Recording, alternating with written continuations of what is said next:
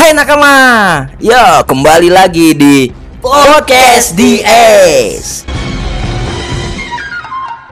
Ya kali ini di sini kita sudah semangat ya kelihatannya ini. harus Kita akan membahas tentang sesuatu yang menarik. Kita akan membahas tentang D yang di mana di dalam cerita One Piece ini menjadi sesuatu yang sangat misteri dan belum terpecahkan sejauh ini di dalam cerita. Tapi sebelum itu kita kenalan dulu nih. Teman-teman gue di sini kayaknya udah cengar-cengir aja nih kayaknya udah semangat banget pengen ngomong tentang D ini. Ya, ada siapa di sana? Bang? halo semua ketemu lagi nih gue Rian Hai, biasa gue di sini Theo. Nah, suara-suaranya habis pada ngopi nih, semangat banget. Oke, menurut cerita One Piece itu ya, kisah D ini menjadi menarik. Padahal dari awal cerita nih D ini nih tidak terlalu mencolok kan di ketika dikenalkan nama tokoh utama siapa? Monkey D Luffy. Sesuatu yang biasa bang. Iya. ya kan?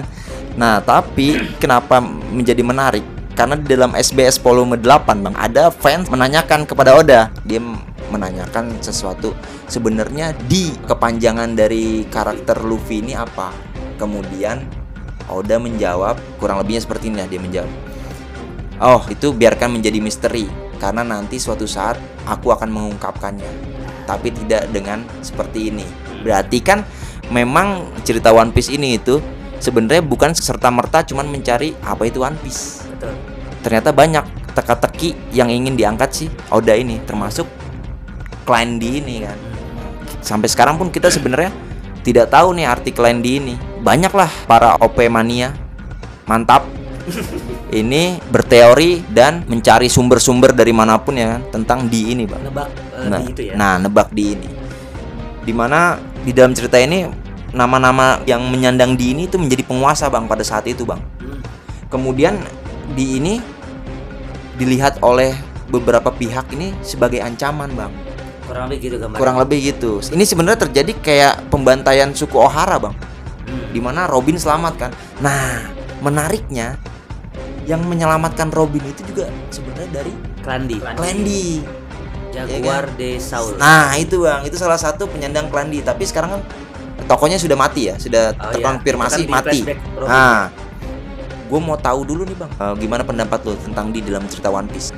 Klandi ini yang kita tahu ini adalah klan spesial kayaknya sih gitu kesimpulannya di cerita One Piece. Artinya nanti dari awal sampai akhir One Piece ini akan banyak menghadirkan tokoh-tokoh dari Klandi ini.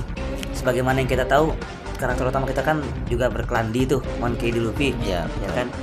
Dan jangan lupa sepertinya Oda sudah mempersiapkan villain utama sekaligus villain terakhir Luffy itu pun dari Klandi Marshall di Di Teach. Teach. itu sih kemungkinan besarnya ya kan dan itu nggak bisa dilepaskan dari beberapa tokoh-tokoh sentral penting ya kan yang sudah ada di cerita Nah, di dalam cerita One Piece sejauh ini yo, yang sekarang kan sedang di Wano ya. Setahu lu yang sudah terkonfirmasi berapa sih sebenarnya? Kalau misalnya sejauh ini ya sepertinya kan baru 10 ya.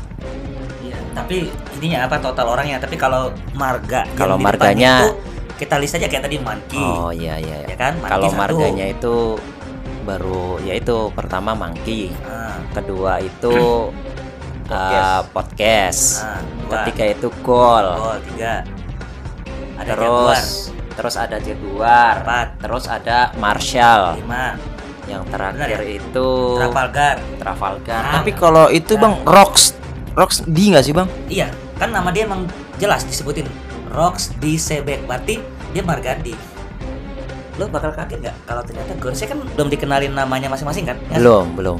Gimana kalau ternyata semua Gorosei itu penyandang nama D juga? Nah, oh, bisa jadi Bang.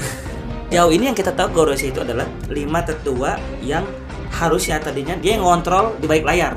Kan kita punya angkatan laut nih yang selalu turun ke lapangan nih. Kan dia yang ngontrol di belakang dong, penguasa di belakang nih. Walaupun kita tahu ada penguasa lagi di atasnya yaitu Im sama oh nggak ada D-nya sorry Im sama ya Sama. siapa tahu Gorosei ini penyandang nama D ternyata semuanya atau salah satu sebagian lah Tapi kalau semuanya penyandang nama di, berarti emang kayak enemy sebelah bang. Jadi mereka bantain yang ada di D-nya, padahal mereka juga gitu padahal mereka punya D. Bisa Nah, jadi itu bisa ya. ditugasin sama im sama. emang kan istilah itu punya darah penguasa nih bisa aja kayak spekulasi kita tadi barusan dari Gorose sampai Im itu misalkan marga D Iya. tapi bisa juga ini ada kepentingan konflik marga tadi dia pengen marga dia yang paling berkuasa. Ya, betul, bisa betul. aja kan gitu. Kan tadi yang kita sebutkan D ini kan punya beberapa marga nih ada Marshall ada Manki, ada ada Portges Gol. ada Gol gitu kan. Bisa aja misalkan Im atau Gorose tadi punya marga D nih Ya. tapi mereka ini pengen berkuasa gitu loh. Nah, iya. dia nggak mau marga D yang lain tuh yang berkuasa. Kan bisa Iya, jadi. istilahnya konflik kayak gitu se- Ah, ah, sesimpel konflik konflik antar marga itu mungkin Hmm. salah satu ingin menguasai. Bisa bisa. Nah, sehingga dia istilahnya membantai yang lain. ya Tinggal marganya dia sendiri yang disisain. kan bisa jadi itu kan spekulasi ya Bisa, masuk akal sih memang mereka ini menjadi tokoh-tokoh yang suka bikin huru hara Bikin- juga nih Klandi Ya, nih bikin onar. bikin onar juga gitu Nah, seseorang penyandang nama D itu istilahnya menjadi ancaman entah itu untuk pemerintahan dunia atau untuk negara. hmm. Ah, yang yang menariknya di sini yang gua garis bawahi dari pernyataan Tio nih bang. Kenapa sih Klandi ini dianggap berbahaya? kita bisa merujuk dari statementnya Corazon tuh kalau kayak gitu Apa tuh bang? ini nggak pas di flashbacknya lo dia bilang di itu akan selalu menjadi ancaman tapi untuk dewa artinya gini di ini kan dianggap devilnya dalam cerita. Untuk ancaman buat dewa dewa di sini tuh kalau dari sudut pandang Corazon ya itu ini Tenryubuto dia kan yang mengaku-ngaku dewa di dunia One Piece ini kan sebenarnya yang secara umum ya itu kan Tenryubuto tuh. Oh gua dewa nih gua di atas ya kan gua berkuasa segala hal. Nah itu dia punya musuh alami tuh kalau kata Corazon. Nah itu sebenarnya yang menganggap itu sebagai ancaman banget mutlak itu ya Tenryubuto sih. Walaupun dia juga banyak rusuh ke warga sipil gitu beberapa yang jadi bajak laut gitu kan. Kayak tadi contoh yang gue bilang Marshall Dietrich gitu misalnya. Ya cuman nggak sedikit juga yang punya nama Di tapi dia bagus. Dan sekarang kakeknya Luffy Di itu dia jadi Angkatan laut. ya kan? Secara wakil admiral. ya secara peranan harusnya dia melindungi dong bukan bikin rusuh dong gitu Pertama sih bang, anggapan gue ya bang, Klandi ini tuh kayak klan yang baik. Awalnya gue mengira seperti itu, tapi sejalan dengan cerita bang, ternyata ada tokoh antagonis di sini juga memakai Klandi. Klandi. Ya Marshall the Teach itu.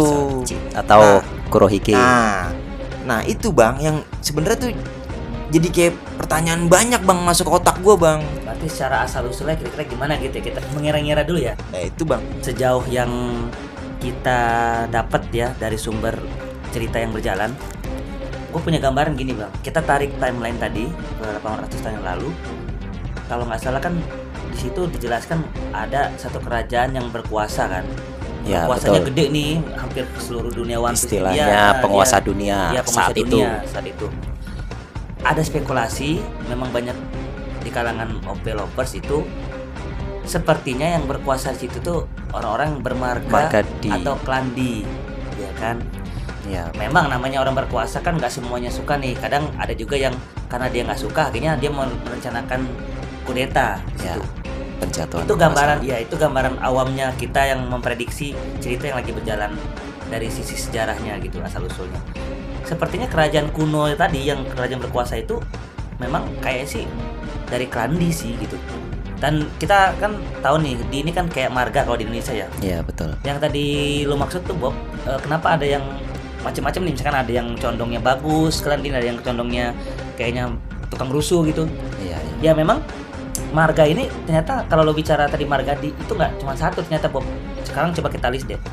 Sejauh cerita yang berjalan di itu kan kalau kita bicara marga ya berarti kita ambil depannya nih. Contoh keluarga Luffy Manki, berarti kan marga Manki di, Di, ya ya. Manki depannya terus kayak keluarganya S dia kebetulan kalau S nih satu-satunya karakter OP yang udah dikonfirmasi emak bapaknya tuh Klandi Ada. Klandi Ya, betul, betul. emaknya dari marga Portges, bapaknya itu ternyata orang di juga, Klandi Gold. Gold. Kan orang awalnya kan nyangkanya kan gold, emas ya, Ah, gold. Padahal aslinya namanya kan dibilang kan gold di. Di Roger. Nah, coba dikoreksi kalau nanti gue salah. Setahu gua satu-satunya karakter di OP yang punya orang tua full Margadi dijelasin sudah diungkap itu baru S. Iya, Luffy betul. nih, Luffy baru bapaknya nih. Dari garis bapak kan, yang Monkey kan dia belum tahu ibunya siapa. Dia bukan, kan kan kita belum tahu nih. Sama kayak tahu misalnya, dia juga nggak tahu orang tuanya dia apa enggak gitu. Maksudnya jadi gini, itu kan menegaskan kalau sesama Dini dia nih jadi nih. Ah, ya kan? Maksud gua tadi kan marga itu kan ada monkey ada podcast ada gold termasuk yang tadi Marshall Marshall di tips flashbacknya Robin tadi si Jaguar ada Jaguar. Iya, betul. termasuk ya Lau. Lau. Trafalgar. Di berarti kan Trafalgar itu kan marganya tuh. Intinya gini nama di depan sebelum di itu kalau menurut gua marganya. Nah ini kan banyak nih. Berarti kan gini gambarannya di awal cerita itu banyak koloni yang bermarga di kan gitu kira-kira Iya, betul, betul. Nah, memang kalau namanya udah bervariasi begitu, wajar lah ada yang nyimpang istilahnya, ada yang jelek kelakuannya kayak Marshall tadi. Perry, keluarga Marshall ini keluarga yang memang dari awal mungkin sebenarnya nggak benar. Tapi kalau gua yakin gini, eh, kayaknya awal mula cerita yang tadi 800 tahun lalu itu kayaknya gini. Orang-orang yang tadi koloni marga namanya itu ada D-nya itu, dia tuh kompak gitu. Dan mati gini, kan mereka tuh dari prediksi kita tadi kan spekulasi kita kan dia diserang nih, kurang lebih kan gitu. Dia diserang. Nah, jadi kurang lebih kalau bayangan gua, mereka nih mengusulkan untuk merahasiakan satu nama tengah mereka untuk apa tujuannya? Untuk para generasi Generasi ya, selanjutnya. selanjutnya. Kenapa? Dia tuh sebenarnya pengen ngasih pesan gitu loh. Kita hari ini kurang lebih dibantai misalkan gitu. Tapi kita nggak boleh kalah. Itulah yang dibilang di cerita One Piece ada namanya Will of D, semangat D. Nah, jadi dari skema seperti itu, dia tuh mau menurunkan satu pesan bahwa di harus bangkit suatu saat. Gimana cara menemukan orang-orang yang tadi turunan dia langsung atau turunan yang ada dari dianya, dari di tadi? Nah, jadi dia harus menyertakan nama di itu di setiap turunannya. Sampailah ke karakter utama kita, Luffy. Makanya yang tadi kita bahas di awal, para tendibu itu itu kayak takut kalau orang-orang yang bermagadi tadi kan udah udah pinter nih, dia udah make cara itu untuk menemukan terus generasi dia di bawahnya. Sehingga pada saatnya nanti pasti akan ada generasi di itu yang jadi ancaman sebenarnya yang akan menumbangkan kembali pemerintah dunia sekarang. Kira-kira sih gambarannya kayak gitu sih kalau yang gua lihat. Karena dia punya tekad di tekad di itu yang tadi kita bilang tekad yang gampang patah mau lo jatim berkali-kali pun nggak bisa gue pengen itu gue pengen itu itu tekad di sama kan kayak waktu Dio waktu dia ngincer cewek nah misalnya gitu dia kalau pengen yang itu dia kalau udah mau ngincer cewek bang, Ah. dia berubah namanya bang, Ah. jadi Theo the Monkey. Kebalik ya, Monkey the Theo. tapi itu menegaskan bucinnya dong sih ya iya. Jadi semangat dinya nggak hilang di situ bang. nah itu jadi Nah. kalau lo pengen dibilang punya tekad di ya lo harus pantang mundur Tapi gue punya fakta menarik bang sebenarnya bang. Gimana? ketika di ini pada 800 atau 900 tahun yang lalu timelinenya si cerita One Piece ini ya, itu sebenarnya ada pembantaian di situ bang.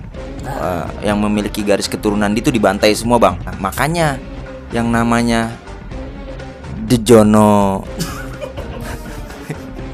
Kan, kan? Dion, mereka ganti nama bang jadi Ion, D-nya hilang bang, karena takut dibantai. Mereka kabur. Makanya pada saat itu yang menggunakan nama Di hilang seketika bang. iya iya. Ini ancaman ya buat semua orang yang punya nama dia Nah itu bang. siap-siap nih si botak Didi. Kok bentar lagi namanya akan hilang jadi Edi. Edi. Edi Kobus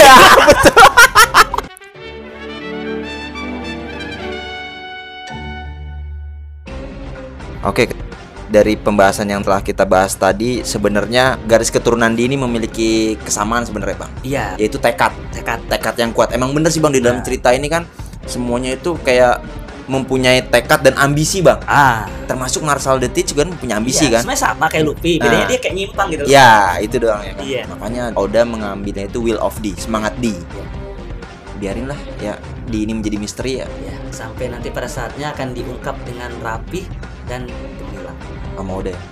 Apa kita WA Oda nih? lu punya nomor Oda Ada. gue punya nama istrinya Lah. ya udah deh. Kita makin ngaco nih. Nah, sampai ketemu lagi nanti di episode selanjutnya di podcast DS. Dah.